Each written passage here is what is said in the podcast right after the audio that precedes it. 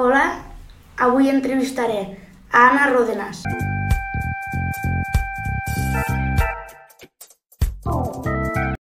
És psicòloga clínica. Treballa a la Fundació Pere Mata, de les Terres de l'Ebre, en nens i adults en discapacitat intel·lectual. Treballa en gent de totes les edats.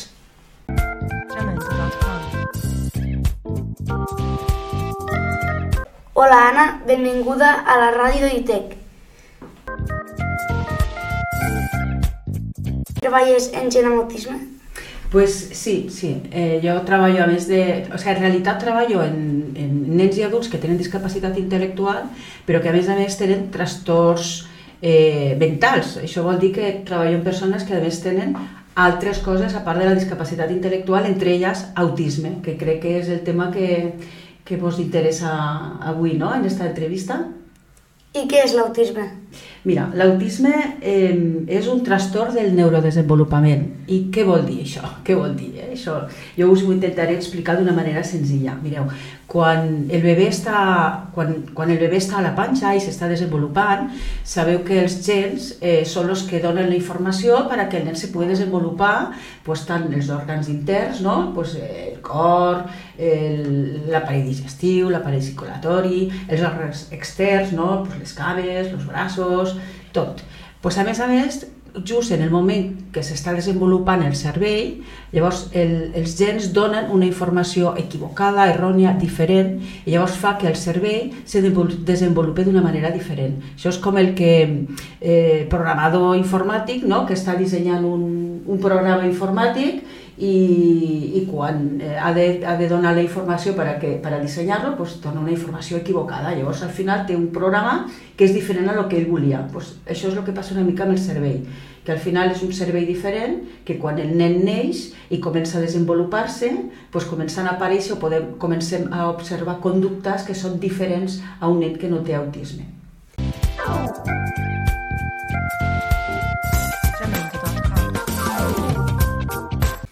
I què els passa a les persones que tenen autisme? Uf, els hi passa moltíssimes coses, perquè a més l'autisme és un trastorn molt complex i, i, té, i, i té afectació a moltes àrees del desenvolupament. Nosaltres, els psicòlegs, ens fixem o observem quatre àrees importants on apareixen conductes diferents. No? Aquestes àrees són l'àrea la, de la comunicació i el llenguatge, l'àrea de la interacció social, és a dir, com se relacionen en, en el món i en les persones, en el joc, en la imaginació i la ficció, i a més a més tenen un comportament molt estereotipat, molt obsessiu, en, en interessos molt, molt limitats, no? els interessen molt poquetes coses i a vegades tenen interessos peculiars, raros. Jo, si voleu, ara us explicaré una miqueta uh, en, en cada una d'aquestes àrees què és el que podem observar. No? Per exemple, en l'àrea de la comunicació i el llenguatge pues, veiem que són nens que, que, que molts d'ells no arriben a tindre llenguatge, no parlen, i si utilitzen paraules, eh, normalment no són amb intenció de comunicar res, de, de comunicar-se, ¿vale? sinó que utilitzen per autoestimular-se, no? els fa gràcia o els fa goig sentir o repetir una mateixa paraula tota l'estona, però no utilitzen per a comunicar res normalment mm, són xiquets que no senyalen, no senyalen amb el dit allò que volen, no? sinó que agafen les mans del, de l'adult, no? del pare o de la mare, i els porta perquè el pare o la mare agafi allò que ells volen. Si tenen desenvolupat el llenguatge, perquè alguns d'ells sí que desenvolupen el llenguatge, pues, eh, podem observar mm, moltes coses també. Per exemple, pues, eh, són nens que tenen um, una alteració en la parla, no? pues, per exemple, són molt monòtons quan parlen, o, o parlen molt de pressa, no? llavors no els entens, o tenen com una parla així robòtica, no? o sigui, són realment peculiars no? també quan, quan expressen el llenguatge. Eh, a més, hi ha algo molt, molt important també que quan conversen no és una conversa recíproca, no és una conversa en la que tu intercanvies informació, esperes que l'altre parla, t'interesses per la que l'altre diu, l'altre s'interessa per tu. Ells són com a monotema, quan tenen un tema en concret, parlen, parlen i parlen i normalment no deixen ni parlar a l'altre. ¿vale? I, I una altra cosa també molt important és que la seva comprensió del llenguatge, el que ells entenen és molt literal. Què vol dir això? Pues que ells no entenen les bromes, no entenen els dobles sentits. Llavors, bueno, això és un problema perquè a vegades malinterpreten moltes coses de, de les que, no, quan, quan tenen una conversa amb una altra persona. I, I una altra cosa important també a nivell de la comunicació és que no es fixen en el llenguatge corporal dels altres. ¿vale?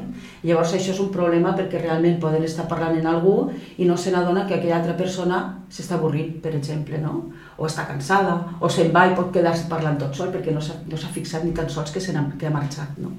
En l'àrea de la interacció social són nens que, per exemple, una característica molt, molt pròpia és que no, no contacten en la mirada. Eh?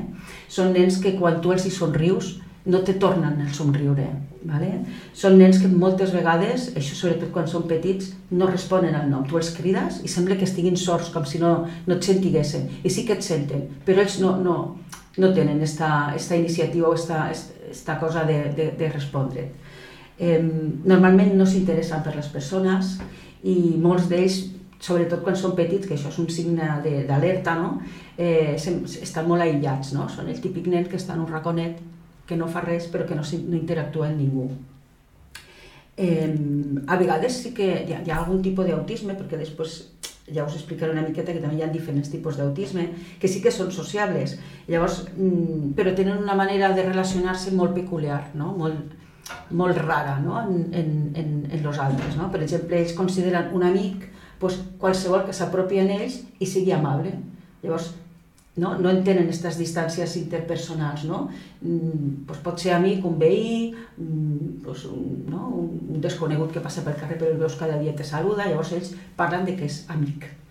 Bueno. Eh, funcionant a més d'una manera molt egocèntrica, ells pensen que tot, tot, tot gira al seu voltant, ¿vale? I llavors això fa que ells siguin poc empàtics, no? Llavors no tenen en compte el sentiment dels altres, no? No és que no tinguin sentiments, que sí que en tenen, però mm, no tenen en compte els sentiments dels altres i a vegades no gestionen ni regulen bé la seva, les seues emocions. Llavors, davant de qualsevol tipus de frustració o de malestar, doncs poden reaccionar de manera molt exagerada, amb rabietes, com, no? comencen, a, doncs, comencen a desplegar totes les estereotípies motores de balanceig, bueno, fan moviments estranys amb el cos, i el més greu, que això també ens ho trobem moltíssim, és que s'hi poden autolesionar. Vale? Llavors, mm, molts, molts d'ells és molt típic veure com se mosseguen la mà o se peguen cops al cap. Vale? En quant a, al joc, és veritat que ja de ben menudets tenen una manera molt peculiar de jugar si és que els interessa els objectes, perquè a vegades els joguets ni els interessa. Llavors el que fan, el que faria un nen normal, que agafaria un joguet i el faria rodar, per exemple, pues, el nen en autisme agafaria el joguet i l'estamparia contra en terra perquè li agradaria només pel simple fet d'escoltar el soroll que fa. No? O, per exemple, el faria girar, no? se fascinen en els objectes que giren i giren. Pues faria girar l'objecte. O si tingués diversos cotxets, els ordenaria i els ficaria així en filera. Eh? Només pel plaer de veure-los tots ordenats, eh? però no, no faria un joc funcional, no, no faria rodar el, el, el, el cotxet. Eh, i, I evidentment no arriben a, a lo que és el joc simbòlic, no? això se'ls escapa moltíssim. No? El poder jugar a pares i mares, a, a infermeres, no? això que feu quan se fa molt en, en, en l'escola, no? sobretot en infantil, doncs són nens que no, no saben què han de fer. Eh? I després el tema dels interessos restringits, um, realment quan, quan tenen, per exemple, llenguatges, és el típic nen que, que només li interessa i parla només d'un tema, no? Són els temes més preferits, no?, que, és, que tots una mica hem identificat, no?, però són els dinosaures, els planetes, però a més només saben d'això, no saben de res més i poden arribar a ser molt, molt cansats perquè sempre estan parlant de lo mateix i només els interessa este tema. I una altra cosa que tenen també és que són molt eh, són molt de rutines i són molt de rituals, eh? sobretot pues, al matí, per a l'hora d'esmorzar, pues, jo recordo que tenia un, un pacient que, que per a esmorzar havien de ser galletes de dinosaures, que a més les havia de ficar ordenadament, i llavors quan ho tenia ja tot muntat, llavors s'ho menjava. I això podia durar el que durava. Llavors la mare recordo que estava desesperada perquè deia arribem tard, no arribem... I és igual, ho havia de fer així, perquè si ella intentava, perquè això és una de les altres coses que els hi passa, eh, que no ho fes o, o, o tallar-li aquell, aquell ritual, llavors entrava en crisi. ¿vale? I això és, és molt típic. I una de les altres coses que també estem observant i que ara s'està tenint molt, molt en compte i, i aquí pues, tenim, de fet nosaltres després ho explicaré, treballem en, en, en tot aquest tema, que és el tema de la sensorialitat. Vale? Llavors hi ha, hi ha nens que tenen molts, molts de hipersensibilitats, per exemple, als sorolls, Llavors, els hi pot molestar una moto que passa tres carrers més amunt i la senten. Tu, la, tu no la sentiràs, però ells sí, això els hi molesta molt. O el tema de que els toquen, no els hi agrada massa que els hi toquen, o està rodejat de... de no? està en puestos on hi ha molta gent. O els olors, les, els sabors, són molt selectius amb el menjar, per exemple. No? i a vegades pues, se fascinen molt també en detalls, de, no? ells no veuran el cotxe sinó que els agradarà perquè aquell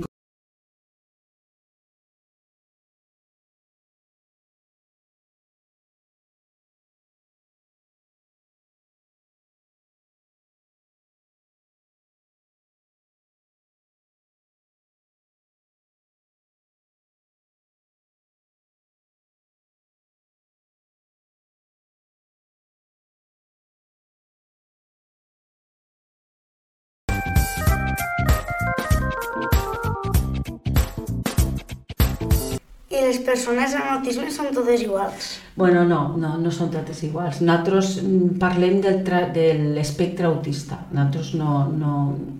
Els psicòlegs, no? ara se parla molt, ja no es parla d'autisme, sinó de trastorn de l'espectre autista. I per què parlem d'això? Pues precisament per això, perquè són diferents. Perquè encara que tinguin, com hem dit abans, pues en el llenguatge, en la interacció social, en el joc, tenen aquestes característiques comuns perquè to totes elles tenen dificultats, és veritat que n'hi ha molts que són més greus i altres que són més lleus. Eh? Per exemple, hi ha molta diferència entre nens i nenes. Eh? En les nenes l'autisme és més lleu i en els nens l'autisme és més greu. Eh? O llavors, no tots fan el mateix, n'hi ha alguns que són molt estereotipats i fan moltes estereotípies en les mans i ha d'altres que no els hi veus fer aquest tipus d'estereotípies. No? O nens que tenen moltes sensibilitats, eh, hipersensibilitats al soroll a, i altres que ja pot caure un petardo aquí al mig que no s'immutaran. Llavors, hi ha molta variabilitat. Eh? Tenim los nens, i, i també depèn molt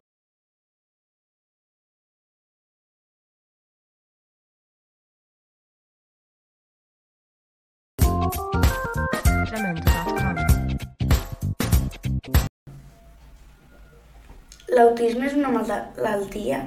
No, no, l'autisme no és una malaltia. Recordes que t'he explicat al principi que era un trastorn del neurodesenvolupament? pues, eh, i que té a veure amb el cervell. El cervell no és que es fique dolent, és que el cervell funciona d'una manera diferent, no? és una condició, i és una condició que durarà sempre. Les persones amb autisme necessiten medicació? Eh, en general no, no tenen per què necessitar medicació. El que passa que, que, que en salut mental, mm, que normalment són els casos que ens arriben de nens i adults, són casos greus, que tenen conductes greus, llavors normalment acaben necessitant medicació perquè són molt hiperactius, perquè són molt agressius o perquè se fan, no, s'autolesionen, se fan autolesions molt greus, llavors estos xiquets o estos adults sí que necessiten medicació, però en general no tenen per què necessitar medicació.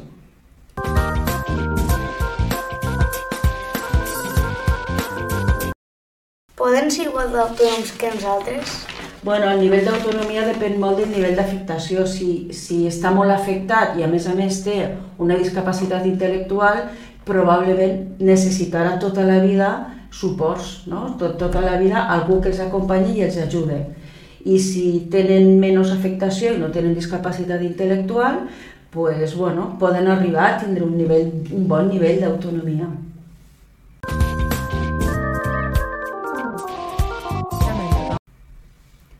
Ajudes a les persones que tenen autisme?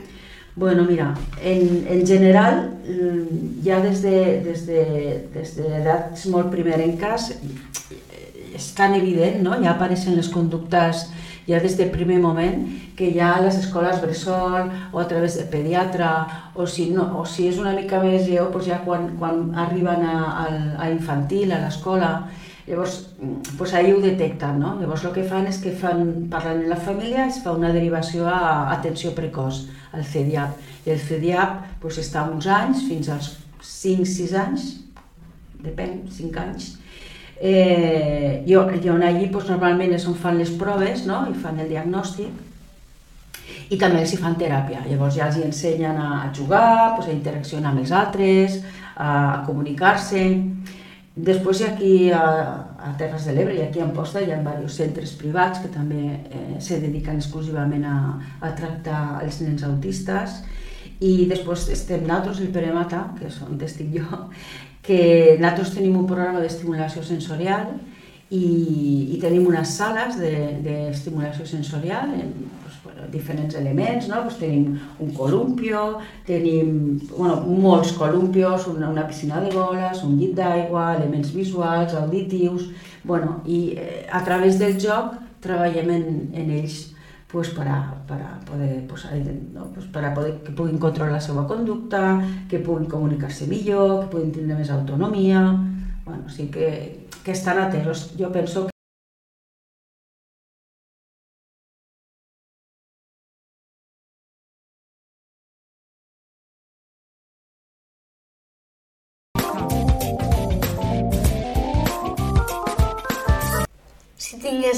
un company en autisme, com el podríem ajudar? Bueno, jo penso que fer una difusió de l'autisme ja des de l'inici, no? des de l'escola, pues, estaria bé, no? a través de, de tallers informatius o de tallers vivencials, no? perquè, clar, um, conèixer quines, quina conducta té, com se comporta un nen autista, ajuda també a tots a saber què s'ha de fer amb ells. No? Si tu saps que, que, que este xiquet és molt literal, doncs tindràs molt de cura en com li parles i com li diràs les coses. I els nens ho aprenen. Això és un aprenentatge, no? Pues, eh, sabràs que has de ser concret quan li parles, que no li has de donar moltes explicacions, que, que si utilitzes uh, imatges, no? pictors, ells uh, visualment són, és, és, com millor reben la informació, més que, audit, més que, que a nivell auditiu.